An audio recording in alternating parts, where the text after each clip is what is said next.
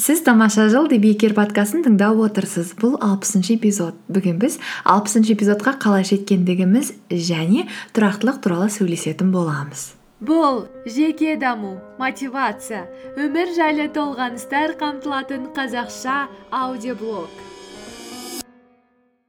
Бұл күн шуағымен жарыса оянып күнін жаңа идея мен қуанышпен бастағысы келетіндердің қоғамы.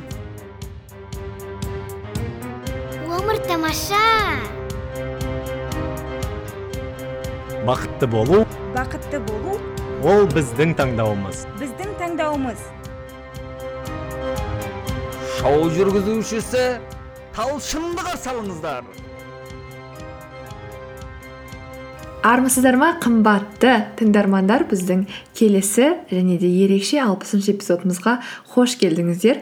Осы уақытқа дейін тыңдағандарыңызға және де алпысыншы эпизодтың өзін тыңдап отырғаныңызға үлкен рахмет. Және сол үшін өзіңізге қол шапалақтап қойсаңыз болады дәл қазір. Орнымыздан тұрамыз да қол шапалақтаймыз қайда болсақ та.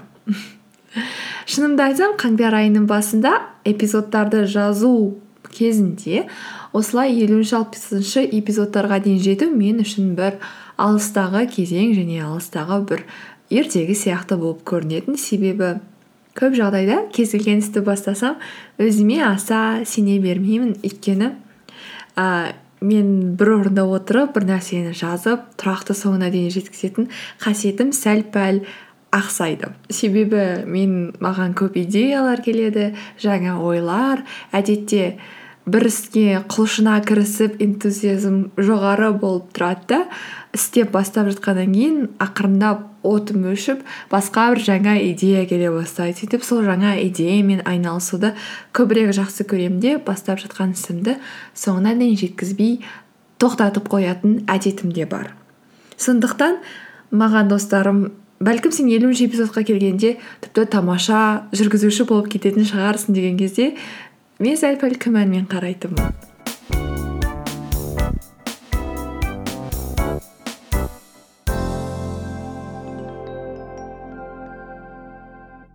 Әрине алпысыншы эпизодқа келген кезде тамаша жүргізуші подкастер болып кетпегенім анық. Алайда бірінші эпизодпен салыстырған кезде қазіргі күні өзімнің бойымда көп прогресстің бар екенін және де жалпы жүргізушілік және ойлау қабілетінің біраз болсын дамығандығын сіздерге айтқым келеді және сендіргім келеді. Алпысыншы эпизодқа дейін жету ол белгілі бір дәрежеде еңбекті талапты және шыдамдылықты сонымен қатар тұрақтылықты қажет етті деп ойлаймын. Және бүгін сіздермен ә, сол өзім өткен тәжірибемен бөліскім келеді.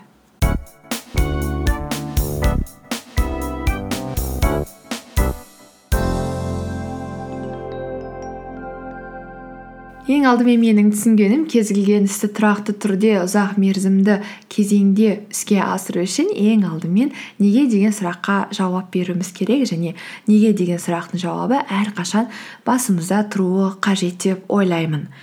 Себебі менде кейбір күндер болатын. Подкаст жазып өзімді әлемді глобалдық деңгейде барлығын өзгертетін бір керемет күштің болып тұрған кездері де болатын. Ондай кезде эпизодты жазу ондай қиындық тудырмайды. Алайда кейбір сәттерде бүкіл мотивациям түсіп ой осы мен несіне жазамын? Кім менің эпизодымды күтіп отыр дейсің? Бүгін жазбай ақ қойсам не болады екен? Қойшы осының бәрін не істеймін деген ой пайда болып кеткен күндердің болғандығы ол өтірік емес себебі алласапыран түрлі оқиғалармен жүргендіктен кейде әрине өзіңді тоқтатып қойғың келеді. Міне сондай сәттерде неге деген сұрақтың жауабы ойыңа келсе және өзіңе сол сұрақты қойсаң ә, белгілі бір дәрежеде сол істің маңыздылығы арта түседі деп ойлаймын. Мәселен мен үшін подкастты жазу неге деген сұрақтың жауабын өздеріңіз де білетін шығарсыздар. Яғни мен өзімді және де өзгелерді ұлы істерге ынталандырғым келеді және сол арқылы өзім сүретін қоғамда бір тамаша қоғам орта қалыптастырғым келеді. Әрине мен жеке адам ретінде менің әсерім өте кішкентай. Алайда әрбір адам өзінің жан жағынан және өзінен бір жақсы қасиеттерді дамыта білсе онда ыыы қоғамның да жақсы ортаны орындайтынына сенімім мол. Және осы неге деген сұрақ әрқашан менің басымда тұрғызуға тырыстым. Және де сол неге деген сұраққа жауап берген кезімде атып тұрып эпизодты жазған кездерім де болды.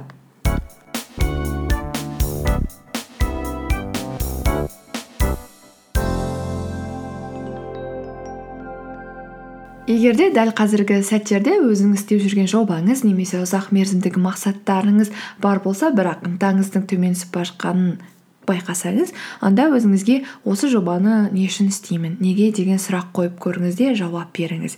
Егер сізге бұл шынымен де маңызды ұзақ мерзімде пайда әкелетін нәрсе болса онда мотивацияңыз сол кезде пайда болып ақырындап күш жігердің денеңізде қалыптасып жатқандығын көре аласыз.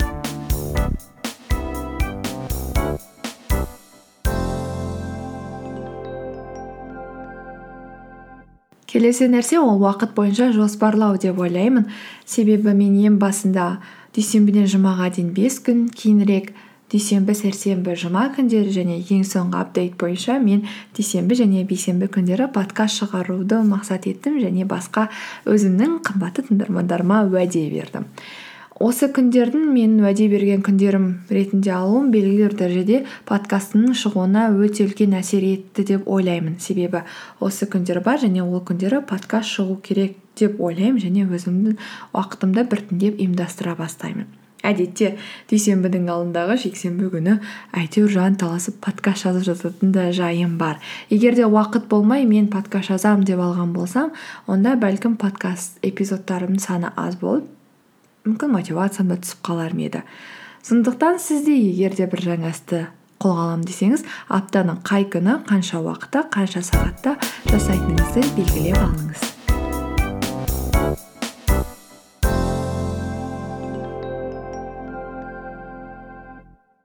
Келесі өзіңіз, өзіңіздің сезімдеріңізге бой алдырмаңыз. Бағана басында бірінші буллет пойнт айтып кеткеніміздей оған әр кезде әртүрлі көңіл күйіміз болады және көңіл күйімізге сәйкес эпизодты жазуға деген ынтамыз да әртүрлі болады. Себебі кейбір сәттерде мен де дүйсенбі және де бейсенбі күні подкаст жазу керек екенімді білемін отырамын келемін мақсатымның да не екенін білемін бірақ та қандай тақырыпта жазамын? Не туралы жазамын. Мүмкін мына тақырып туралы жазайын деп ойлаймын бірақ сол тақырыпты дәл сол күні айтуға менің ешқандай көңіл күйім болмайды. Немесе сол күні ол тақырып мені шабыттандырмауы мүмкін. Яғни тұрақты түрде бір істі жасаған кезде бәрібір кейде шабыттың болатыны кейде шабыттың болмайтыны анық және ойыңда қайдағы бір жайлы жайсыз ойлар жүруі мүмкін. Сондай сәттерде меніңше өзіңді жинап алып бойыңдағы бар күшіңді өзіңе бір нүктеге сыйдырып ақырындап бастап кету керек және де тоқтамау керек деп ойлаймын. Және тіпті кейде менің кейде осы жүгіруге байланысты осыны көп қолданамын себебі таңертең мәселен төсегіңнен бөлмеңнен үйіңнен шыққың келмей жүгіргің келмеуі мүмкін. Бірақ дәл сол сәттерде өзіңді жинап алып киініп үйден шығып кетсеңіз ары қарай жүгіру өте оңай болады. Дәл сол сияқты кейде жазғың келмейді деген еріншектік менде көп болды. Бірақ та отырып алып бастап кетсем ақырындап аяқтап тастайтынымды түсіндім. Сондықтан сезімге бой алдырмау керек деп ойлаймын.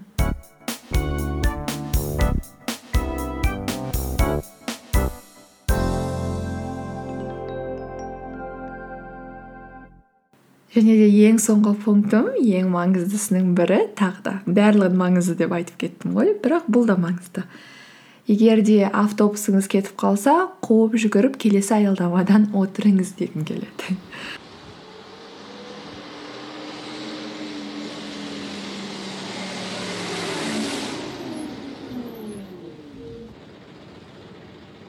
Бұны айтуымның себебін сіз түсініп отырған боларсыз.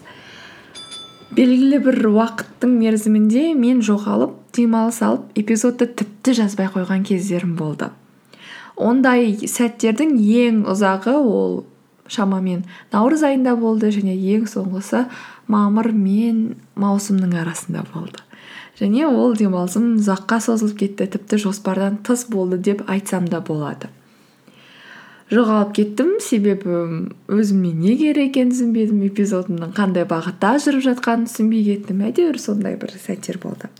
Бірақ меніңше ең бастысы дәл қазіргі сәттерде мен эпизод жазып жүрмін және подкастым is alive. Яғни ол тірі ол өмір сүріп жатыр және ол ары қарай дамып жатыр.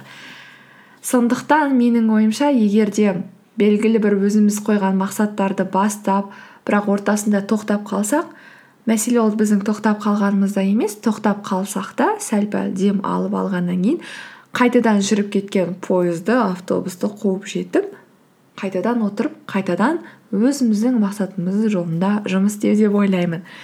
Бақытымызға орай мен өтіп кеткен автобус пен пойызымызды қуып жетіп келесі аялдамадан отырдым және эпизодымыз ары қарай жалғасып жатыр. Сондықтан нені бастасаңыз да өкінбеңіз. Егер тоқтап қалсаңыз мойындаңыз тоқтап қалғаныңызды. Бірақ мүмкін бір сағаттан кейін мүмкін ертең мүмкін бір аптадан кейін қайтадан бастап қайтадан жолға қоюға тырысайық.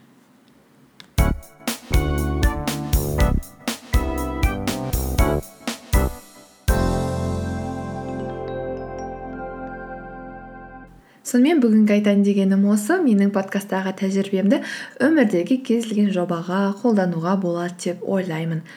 Осы подкаст пен эпизодтарды жазу арқылы шынымды айтсам мен өзім көп алдым және менің жеке дамуым жеке қасиеттеріме өзіндік әсерін тигізіп жатыр.